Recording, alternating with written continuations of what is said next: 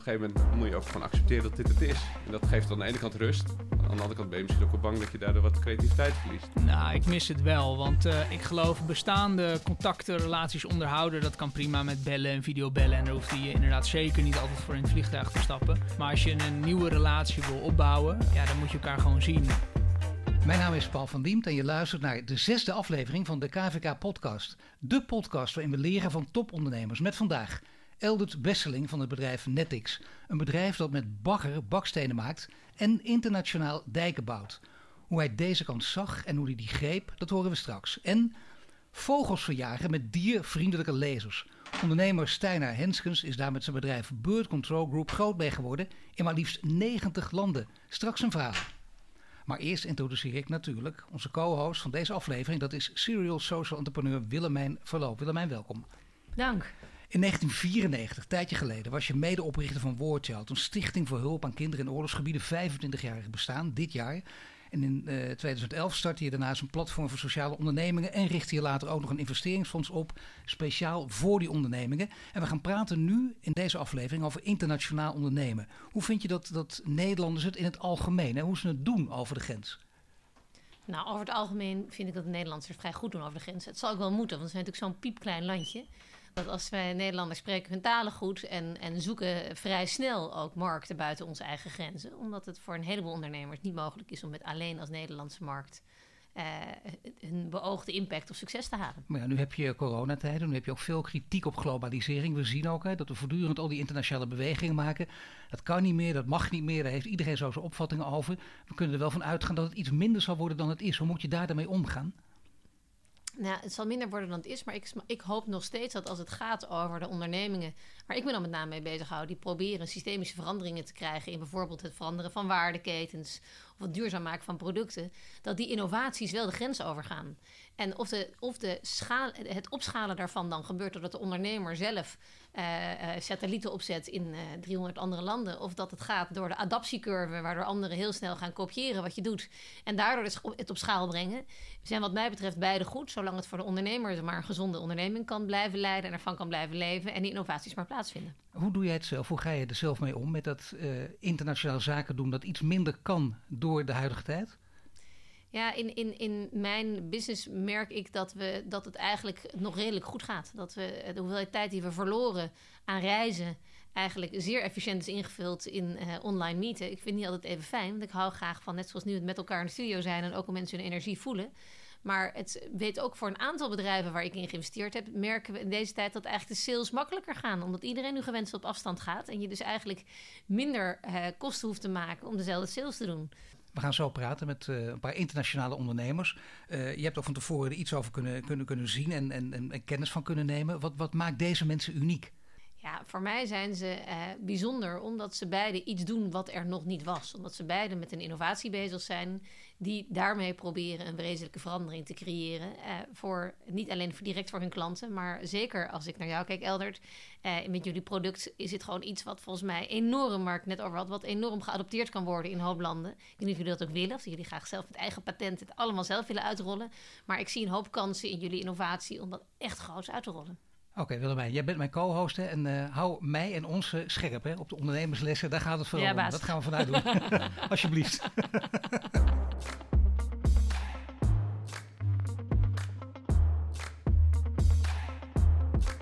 Tijd voor onze eerste gast en dat is Eldert Besseling van Netix. Een bedrijf dat bagger omvormt tot baksteen en uh, soms uh, complete dijken ook zelfs ervan bouwt. Eldert, welkom.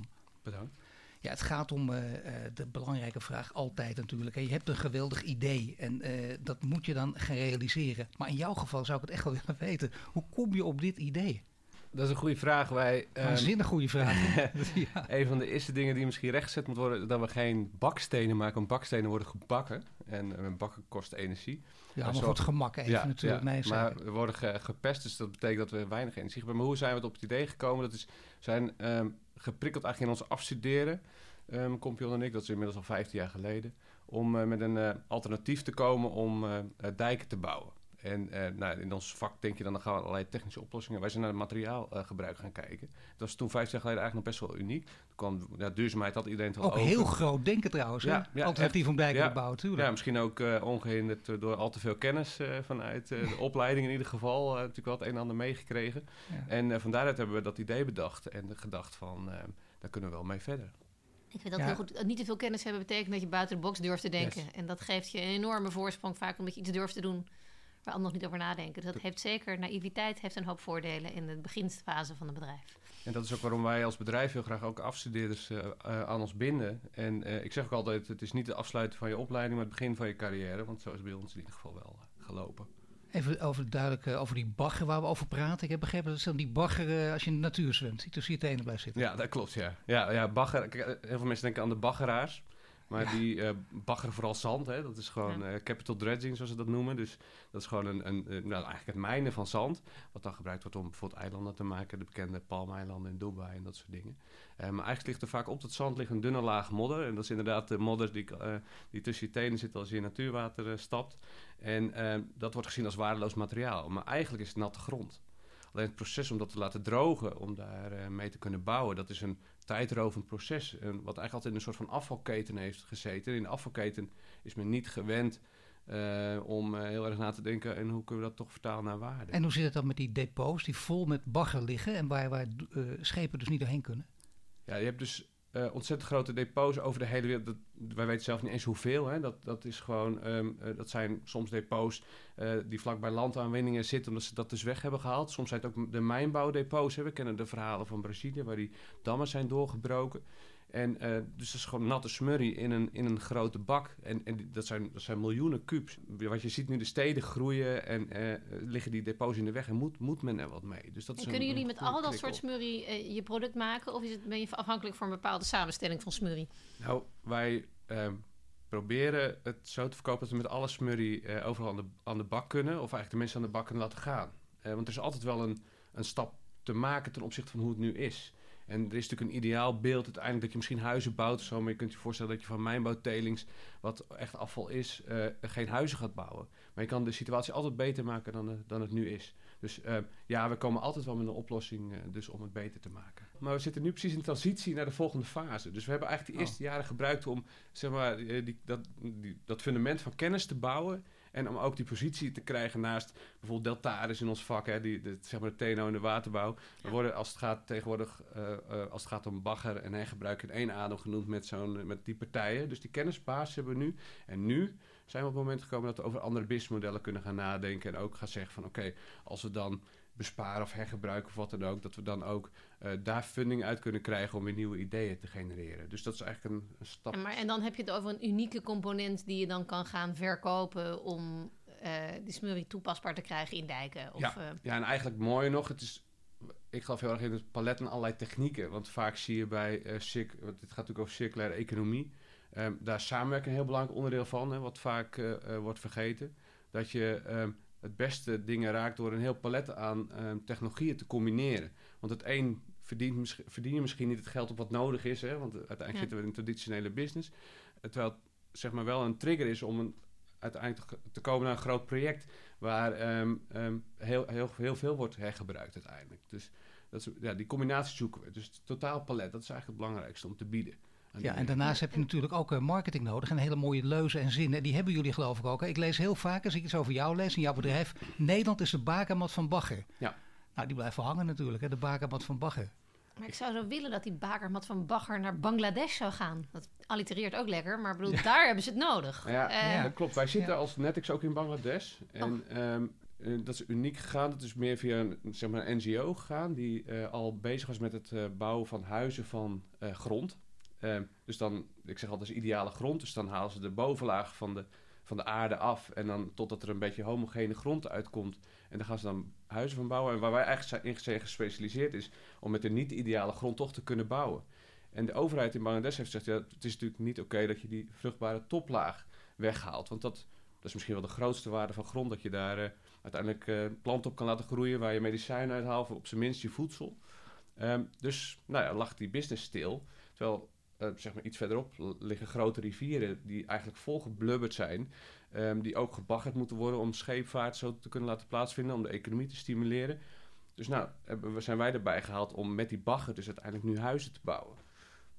Dus dat is eigenlijk wat, wat daar nu gebeurt. Dat Ja, gebeurt maar daar. Nog niet, maar aan, nog niet de dijken dus. Want dat was eigenlijk Nee, waar dat ik is aan de dacht. volgende. Dat is de ik dacht volgende. aan de ja. dijken. Ik dacht, Ja. daar zit nou... Ja. eh, Nou, waar Daar zijn we als. Nederland groot in? Dat zijn natuurlijk de dijken, de dijkenbouw. Zijn we bekend om, dat we onder de zeespiegel eh, leven. En ehm, dat is natuurlijk een heel mooi exportproduct.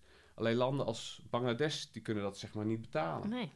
Ehm, maar dat komt omdat je daar primair grondstoffen voor nodig hebt die heel veel geld kosten. En ehm, op het moment dat je het met bagger doet, dat waardeloos materiaal, kan het wel. Eh, dus dat is, eh, is iets wat wij ehm, zeg maar, al die tijd aan het ontwikkelen zijn, om dat daar ook te kunnen verkopen. Het maar dit is toch enorm, als je dit lukt, dat is letterlijk Ja. voor jullie ook een enorme doorbraak lijkt mij. Absoluut. Natuurlijk wil je in je leven iets bereiken, wil je impact hebben, dat je ziet wat, dat er wat gebeurt.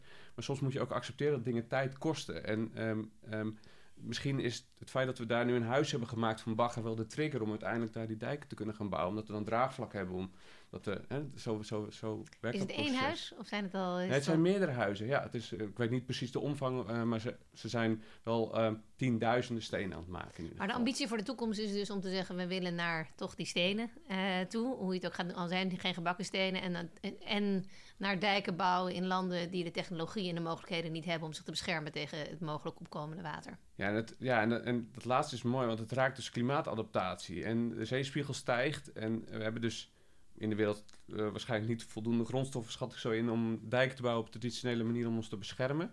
Met alle gevolgen van dien. Ehm, maar bagger is er echt ontzettend veel in de wereld, het afvalmateriaal. Dus laten we daar in ieder geval mee beginnen. Dus je wil veel meer internationaal zaken gaan doen dan je Ja. nu doet. Maar dan weer die coronatijd. Die verdomde coronatijd. Ook in dit geval natuurlijk. Want hoe ga je dat voor elkaar spelen? Nou, er zijn een aantal, aantal zaken. Eh, ten eerste is Nederland voor ons de proeftuin. Dus we focussen ons nu even op Nederland. En met Ja. waterschappen doen we allerlei projecten... zodat we kennis opdoen die we dan na de coronatijd weer kunnen exporteren. We hebben ook projecten ehm, lopen in het buitenland. Bijvoorbeeld een van de projecten hebben we eh, lopen in Ghana. En daar hebben we actief gezocht naar een lokale partner... die dus eh, daar dingen voor ons kan doen. Onze, zeg maar, de boots on the ground noemen we dat nu. En dat werkt eigenlijk fantastisch goed. Dus daarmee hebben we ook geleerd dat, het ook, dat eh, samenwerken ook heel, heel erg loont. Eh, Het ding van co- corona is natuurlijk dat, eh, dat we verwachten dat het er een einde aan komt. Dus dat het eh, te overzien is, zeg maar, voor nu. We zijn niet van die doemdenkers, echt zwart scenario. Daar moet ik even over na moeten denken. Dat kan ook in je voordeel zijn, een Ja. scenario. Dat je denkt, Nou, nou, als, we dat in ieder geval En overwinnen, ik kan me dan voorstellen dat het consumptiemodel in coronatijd in ieder geval nog wel veiliger is dan eh, waar je naartoe aan het bewegen bent. Want die kennis die, die kan je, die kan je Ja. internationaal over de grens blijven brengen. Klopt. En, en dat zal ingewikkelder worden naar het model waar je naartoe wil bewegen.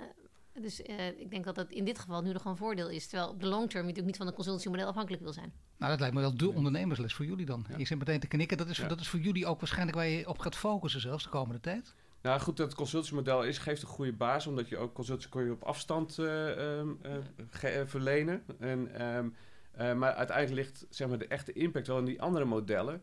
En wat we wel doen, is we zijn wel samenwerking aan het opzetten met grote bedrijven. Om, om dat voor elkaar te, te krijgen. Omdat, ehm, En wat voor bedrijven kun je paar noemen? nou, dan heb ik het bijvoorbeeld over de grote baggeraars. eh, maar ook een eh, bedrijf als ISC, hè, de baggerbotenbouwer. Een van de dingen die De baggerboten bouwen. ja, ja die, eh, Royal ESC die, die, die maakt baggerschepen voor de grote baggeraars.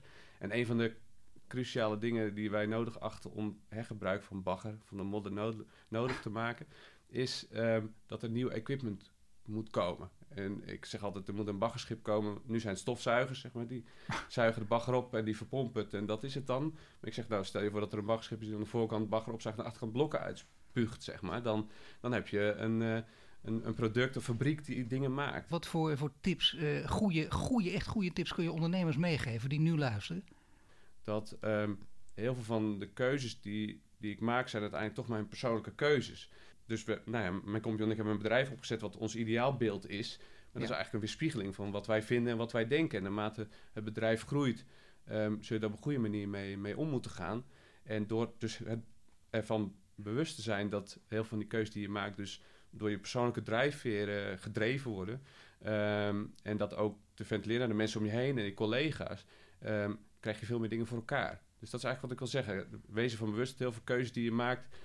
Dus liggen in het feit dat je op een bepaalde manier bent opgevoed of bepaalde dingen in het leven belangrijk vindt. En, en dingen dat is voor mij in ieder geval wat helpt als ik daar steeds bij stil Nou, dat vind ik bijna een originele. Vind je dat belangrijk als je dat hoort, uh, Willemijn? Dit, dat je daar altijd bewust van moet zijn? Of hoeft dat helemaal niet? Nee, ik denk dat het zeker belangrijk is. Het, het, het, het komt terug op een, op een opmerking die ik in een eerdere aflevering maakte over het belang van team. En het belang van uh, uh, het complementair team en ook de drijfveren van elkaar goed begrijpen. En de drijfveren begrijpen hebben vaak ook te maken met waar iemand vandaan komt, wat je meeneemt, welke bagage je bij je hebt. En ook waarom je dus de ene veel meer tijd ergens voor zal geven dan een ander zal geven. Omdat je weet dat hij op een andere manier tot een bepaalde conclusie zal komen. Dus ik geloof dat dat uh, in, een, in een kleine onderneming, en een jonge onderneming is het nog heel goed te doen. Dat wordt wel ingewikkelder naarmate je groter wordt, om dat in een bedrijf uh, stevig uh, verankerd te houden. Maar ik geloof wel dat het zeker waarde heeft. Ja, vind je het zelfs zo waar dat je ook in een kleine onderneming uh, daar ook echt op moet selecteren, nieuwe mensen aannemen en dat je dit vooral wil weten? Nee, het is onderdeel van. Het is niet het enige. Het is niet vooral. Het is en-en. Ja, ik krijg bij jou het idee dat voor jou is het echt als jullie iemand aannemen, dan is dat bijna de hamvraag om iemand wel of niet uiteindelijk uh, tot je te nemen. Ja, maar ik, wij zijn ons wel heel bewust van de dynamiek van een klein bedrijf ten opzichte van een groot bedrijf. Dus um, uh, dat dat op een gegeven moment anders gestructureerd moet worden, ben ik ook wel van overtuigd. En wat ook een feit is dat mensen door de tijd heen veranderen. Dus hun drijfveren veranderen. Dus ook dat moet je bijhouden. En, en, en, is dat bij uh, jou gebeurd of niet? Nou, misschien... Ik ben me wel bewuster, in ieder geval op zijn minst bewuster geworden van mijn drijfveren... waardoor ik nieuwe inzichten heb gekregen. Nee, ik denk ook dat je als team, bedoel, je hebt een aantal values en die bepaal je met elkaar. En als je dat goed, als je dat goed doet, dan heb je, kan je daar heel goed op sturen in een heleboel beslissingen en ook in de mensen die je aanneemt. Jij zegt het is een voorwaarde. Het is niet het enige waar je naar kijkt, maar het is wel een voorwaarde dat je daar op elkaar aansluit. Maar dat je als bedrijf ook iedere drie, vier jaar die values onder de loep neemt en zegt, klopt dit nog? Is dit nog wie we zijn? En als er veel nieuwe mensen bij komen, dan kunnen ze ook veranderen. Want dan ben je met elkaar weer in een andere samenstelling. Nou ja, dat je verandert en dat je, en, door, dat je ook als je ouder goed, wordt wijzer Maar zolang je erop blijft sturen, ja. super belangrijk. Ja. Ja, maar dat is bij jou dus ook gebeurd. Het kan zijn dat je denkt, ik ga een hele andere richting op. Want in jouw geval merk ik ook, dit, dit is je leven. Ja. Dit kost je ook uh, al je tijd en daar wil je ook graag al je tijd instoppen. Zeg maar, waar je in het begin misschien denkt van, ik, ik ga in mijn leven honderd dingen doen. Op een gegeven moment moet je ook gewoon accepteren dat dit het is. En dat geeft aan de ene kant rust. En, en aan de andere kant ben je misschien ook wel bang dat je daardoor wat creativiteit verliest. Ja, nou in jouw geval, uh, dat is bedoel... Wat bijna filosofisch. ja, dat, is, uh, dat, dat, mag hoor, daar zijn we ja. niet op tegen. Dat, uh, dat past een beetje bij coronatijden. Maar ik dank je voor dit verhaal. Eldert Besseling van Nettix, dank je wel.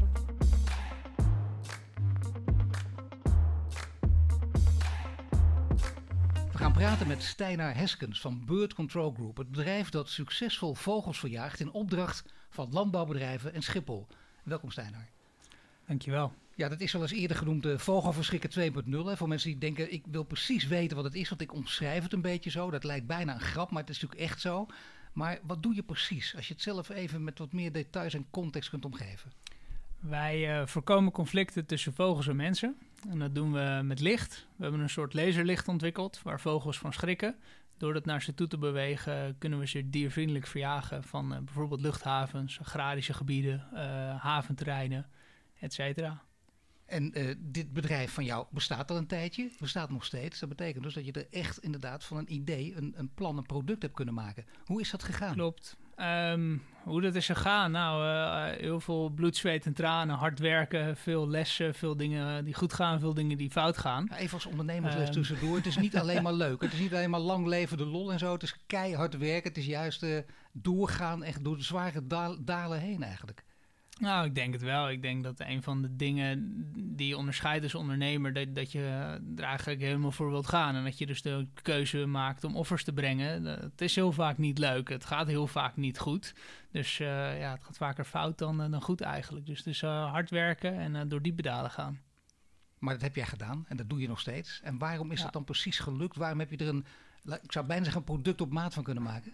Um, ik denk dat, dat het toch uh, iedere keer uh, veel met enthousiasme dingen delen. Ja, de, de, de toch gekscherend in blijven geloven. Uh, ervoor willen blijven gaan. De juiste mensen om je heen verzamelen die daar ook voor willen gaan. Dat is denk ik cruciaal. En altijd wel kritisch kijken wat je iedere dag doet. Waar je mee bezig bent. Want we hebben ook heel vaak dingen moeten aanpassen qua focus van het product, focus van de markt. waar we spelen, wie onze klant is, hoe je het verkoopt.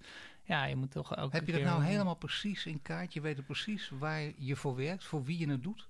Uh, wel steeds beter, wel steeds beter. Ik denk als je het vergelijkt met een aantal jaar geleden, weten we het nu wel heel goed. Uh, we hebben een hele duidelijke focus op de agrarische sector, Noord-Amerika en in Australië. Uh, we hebben ook een kantoortje in, in die twee regio's. en dat was hiervoor wel anders. Hiervoor waren we nog heel erg aan het onderzoeken. Je hebt over de hele wereld vogeloverlast in allerlei sectoren.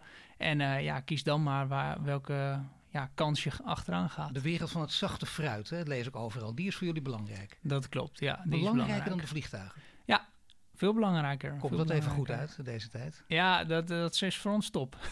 ja, nee, dat is wel uh, dat is een gelukje bij een ongelukje dan uh, bijna voor jullie. Was ook cruciaal dat je verhuisd bent. Jullie zijn van Haarlem naar Delft gegaan.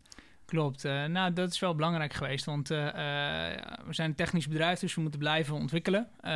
in Delft hebben we een hele hoop ingenieurs kunnen vinden die daar hebben kunnen helpen. een stukje connectie met de universiteit kunnen vinden. ja, dat heb je gewoon in Delft. Het is voor ons heel belangrijk dat we enerzijds kennis vergaren over van hey, hoe, hoe werkt dat nou allemaal?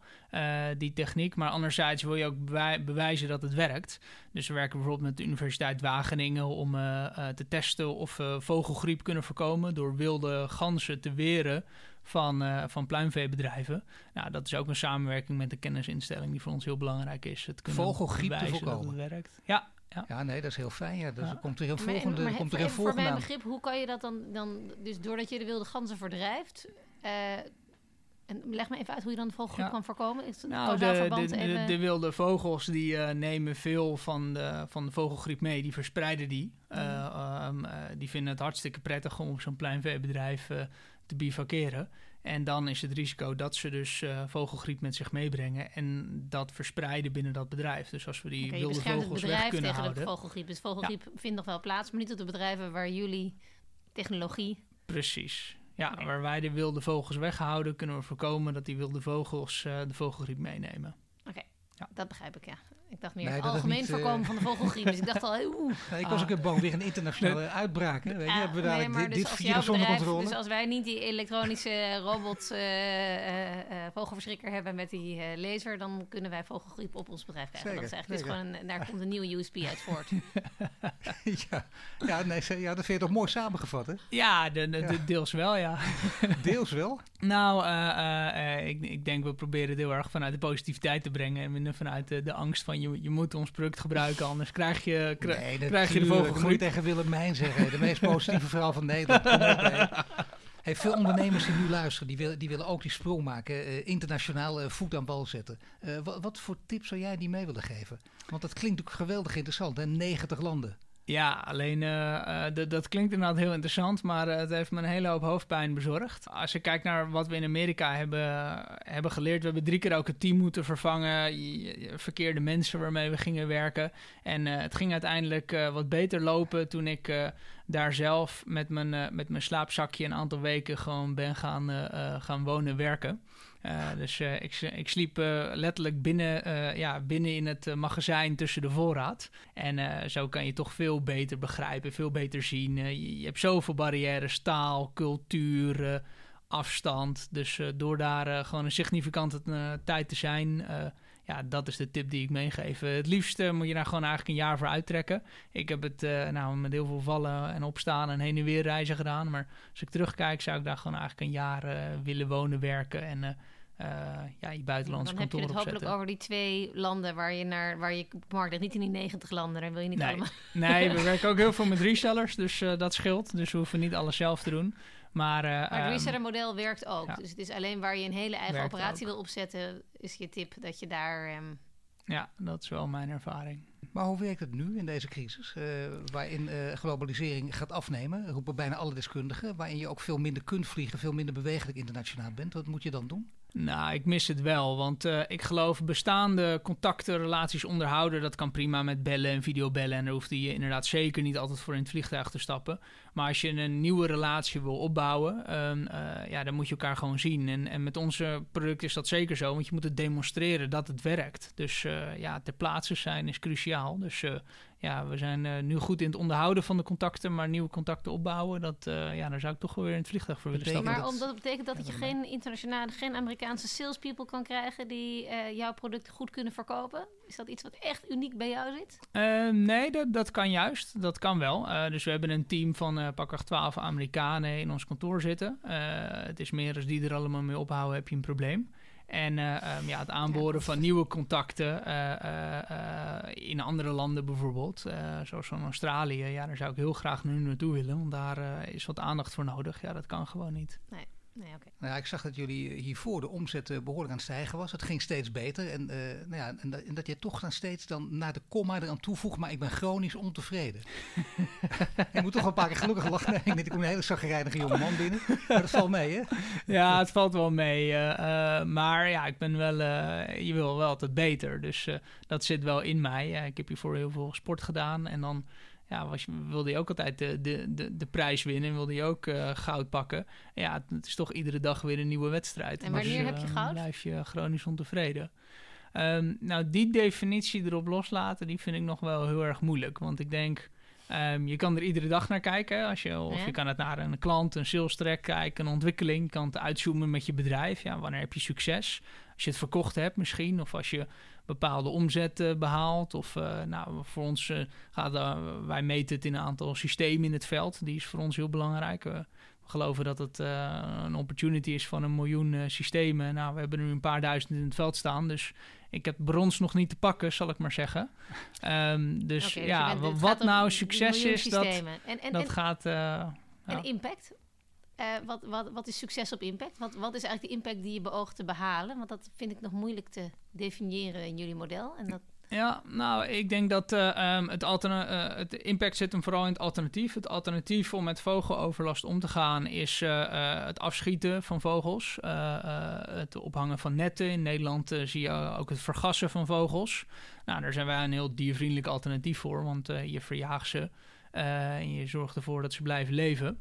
Uh, je zorgt er ook voor in de agrarische sector dat je meer voedsel van het veld af kan halen. Dus 20, 30 procent meer fruitopbrengst kan je produceren, omdat dat dan niet wordt opgegeten door hele grote groepen vogels. Dus daarin uh, hebben we impact. Iedere autonomic uh, die we installeren, ieder autonomic lasersysteem, um, zorgen we ervoor dat er minder vogels worden afgeschoten en dat die specifieke boer meer vogel ja, of meer voedselopbrengst krijgt. Die ergens voedsel vandaan halen, dus die halen dat er gewoon bij de andere boer. Uh, die halen het bij de andere boer of bij het natuurgebied of uh, ergens anders. Ja, dat is, uh, dat is wel wat we doen. De vogels verjagen waar ze niet welkom zijn, waar ze wel welkom zijn. Ja, en af en toe is dat wel de buren. Maar ja, dat vind ik wel top, want dan moet hij ook wat kopen. Kijk, je hebt een bedrijf, heb ik gelezen. Jullie gaan geloof ik naar de 50 werknemers. Ja. Dat is ook een, een, nieuwe manier van werken en in het leven staan voor jou. naast het ondernemerschap. Hoe doe je dat? Ga je, trek je er andere mensen voor aan? Omdat je denkt dat je ehm. misschien zelf niet goed in bent? Of is, is het iets wat jij zelf ook heel goed beheerst? Nou, het is uh, een, een, een, nieuwe manier van werken. Hiervoor, uh, ik vergelijk het vaak met een soort sportwedstrijd. Hiervoor moest je zelf meevoetballen en nu ben je wat meer uh, de coach van het team. Um, en het team verandert ook steeds. nou, dat vind ik eigenlijk wel heel interessant om, om zelf te leren. Je kan meer impact hebben als je een groter bedrijf hebt. Dus um, ja, het, het zorgt er ook voor mij persoonlijk voor dat ik nieuwe dingen moet leren. En maar dat, dat vind ik eigenlijk alleen maar leuk. Kun je één ding noemen? Wat, wat heb je echt moeten aanleren? Waarvan je dacht, ik wist niet dat ik het in me had? Um, ik denk vooral uh, het stukje loslaten van werk. Uh, het vertrouwen dat iemand anders het goed doet. Maar dan vooral, ja, als het dan... Dat is heel klassiek, maar als het dan misgaat... Want het gaat altijd mis. Dat je dan niet direct de controle juist terug wil grijpen. Maar dat je dat dan juist wel weer even wil aankijken... En het gesprek met, uh, met die persoon helemaal gaan van... joh, kunnen we dit beter doen? Dus veel meer de, de mentor dan, dan degene die de controle wil grijpen. En verwacht jij dat je in iedere fase van het bedrijf de ideale uh, leider bent? Dus ook als je die miljoensystemen verkoopt die op jouw roadmap naar gold staan, uh, ben jij dan nog steeds de CEO? Is dat. Uh, um, denk je dat je dat. Goede vraag. die vraag ik mezelf eigenlijk ook wel. nou, ik denk ieder kwartaal. en dan heb ik het er ook wel eens over hoor met het team. Van joh, ben ik nou nog steeds degene? Uh, dus ik kijk wel kritisch naar, uh, naar mezelf en mijn eigen rol. Ik denk nu nog wel. Ik sta er vrij relaxed in. Als iemand anders uh, het beter kan zijn, wat voor mij aandeelhouderschap beter is, ja, dan als, ik, als, als je dit verhaal hoort, Willemijn, en, en het voor jou heel belangrijk zijn om dit te horen, want Willemijn is altijd keihard in de oordeel. Hè? Gewoon in ieder geval open en eerlijk. Maar is dit, wat, wat denk je, is, is dit een, een succesvol, kansrijk bedrijf dat enorm zal gaan groeien? Of heb je twijfels? Nou, daar, dat, dat vind ik dat ik te weinig informatie heb om daar een goede, goed antwoord op te geven. op basis van wat je nu hoort. Uh, want het, hoe groot die markt is en of dit dan inderdaad de meest kost, kostefficiënte oplossing is en de meest diervriendelijke oplossing is, dat kan ik niet beoordelen. Het is in ieder geval een innovatieve oplossing die, uh, um, die zowel die, zeg maar, aan verschillende, voor de verschillende partijen en klanten een, een meerwaarde oplevert en ook mogelijk voor de samenleving geval voor de dieren. Dus ik zie daar wel kansen in, maar ik kan moeilijk inschatten wie jullie grootste concurrenten zijn en hoe je daartussen beweegt. Ik vind in ieder geval de indruk die jij geeft als iemand die uh, uh, open is en, en kritisch kijkt naar wat hij zelf doet en lerend is, dat is een belangrijke voorwaarde om een succesvol bedrijf te, bouwen. Dus dat zie ik erin, maar ik heb te weinig uh, kennis over jullie omveld om te kunnen zeggen of dit de winnaar gaat worden. Nou, jij zelf wel. Ik bedoel, je, je bent al door dalen gegaan. Je gaat nog door heel veel dalen en je blijft ook doorgaan. Gewoon wat voor tegenslag je ook krijgt. Uh, dat klopt. Dat, dat is ook ondernemerschap. Een heel belangrijk basisuitgangspunt ja. voor een succesvolle onderneming. Oké, okay, hartelijk dank. Steinar Henskes van Bird Control Group. Willemijn, we hebben oud-deelnemers van de KVK Top 100 gehoord. Welke les wil jij meegeven? Ja, misschien wel degene waar we het net over hadden met Stijn. Ik denk dat een hele belangrijke les is dat je goed moet nadenken... in welke fase van het bedrijf jij als founder de grootste toegevoegde waarde hebt. We hebben in dit programma spreken we heel veel met founders... Ja. En de vraag is altijd tot wanneer kun je het bedrijf brengen en wanneer is een ander er eigenlijk beter in. En founders vinden het vaak moeilijk om los te laten, want het is je baby, het is je kind. Je hebt er, bent er roeien en ruiten gegaan en er alles aan gedaan om het te krijgen waar het is. Dus het moment kiezen waarop je denkt uh, dat het beter is om, en dat hoeft niet te zijn het bedrijf uit te stappen, maar in een andere rol dan de CEO-rol gaan. Ik heb dat zelf ook meegemaakt. Er is een moment dat, je, dat ik ieder geval tegen mijn plafond liep en ik ben achteraf heel blij dat ik toen heb gedacht ik ben meer van de 0 tot 1 en 1 tot 2 fase. Maar toen ik 900 man en 13 landen had, toen was ik niet meer geschikt. dus ik heb dat aan de lijve ondervonden. En ik denk dat dat voor mij een belangrijke ondernemersles is. Is denk heel goed na welke fase je goed in bent en je ook leuk vindt. Dankjewel Willemijn. Willemijn Verloop. De afgelopen weken sprak KVK met zo'n 70.000 ondernemers uit verschillende branches om nog beter te weten wat er allemaal speelt. Heb je daarom een ondernemersvraag? Bezoek dan de website van KVK via kvk.nl. Voor nu dank voor het luisteren en tot een volgende keer.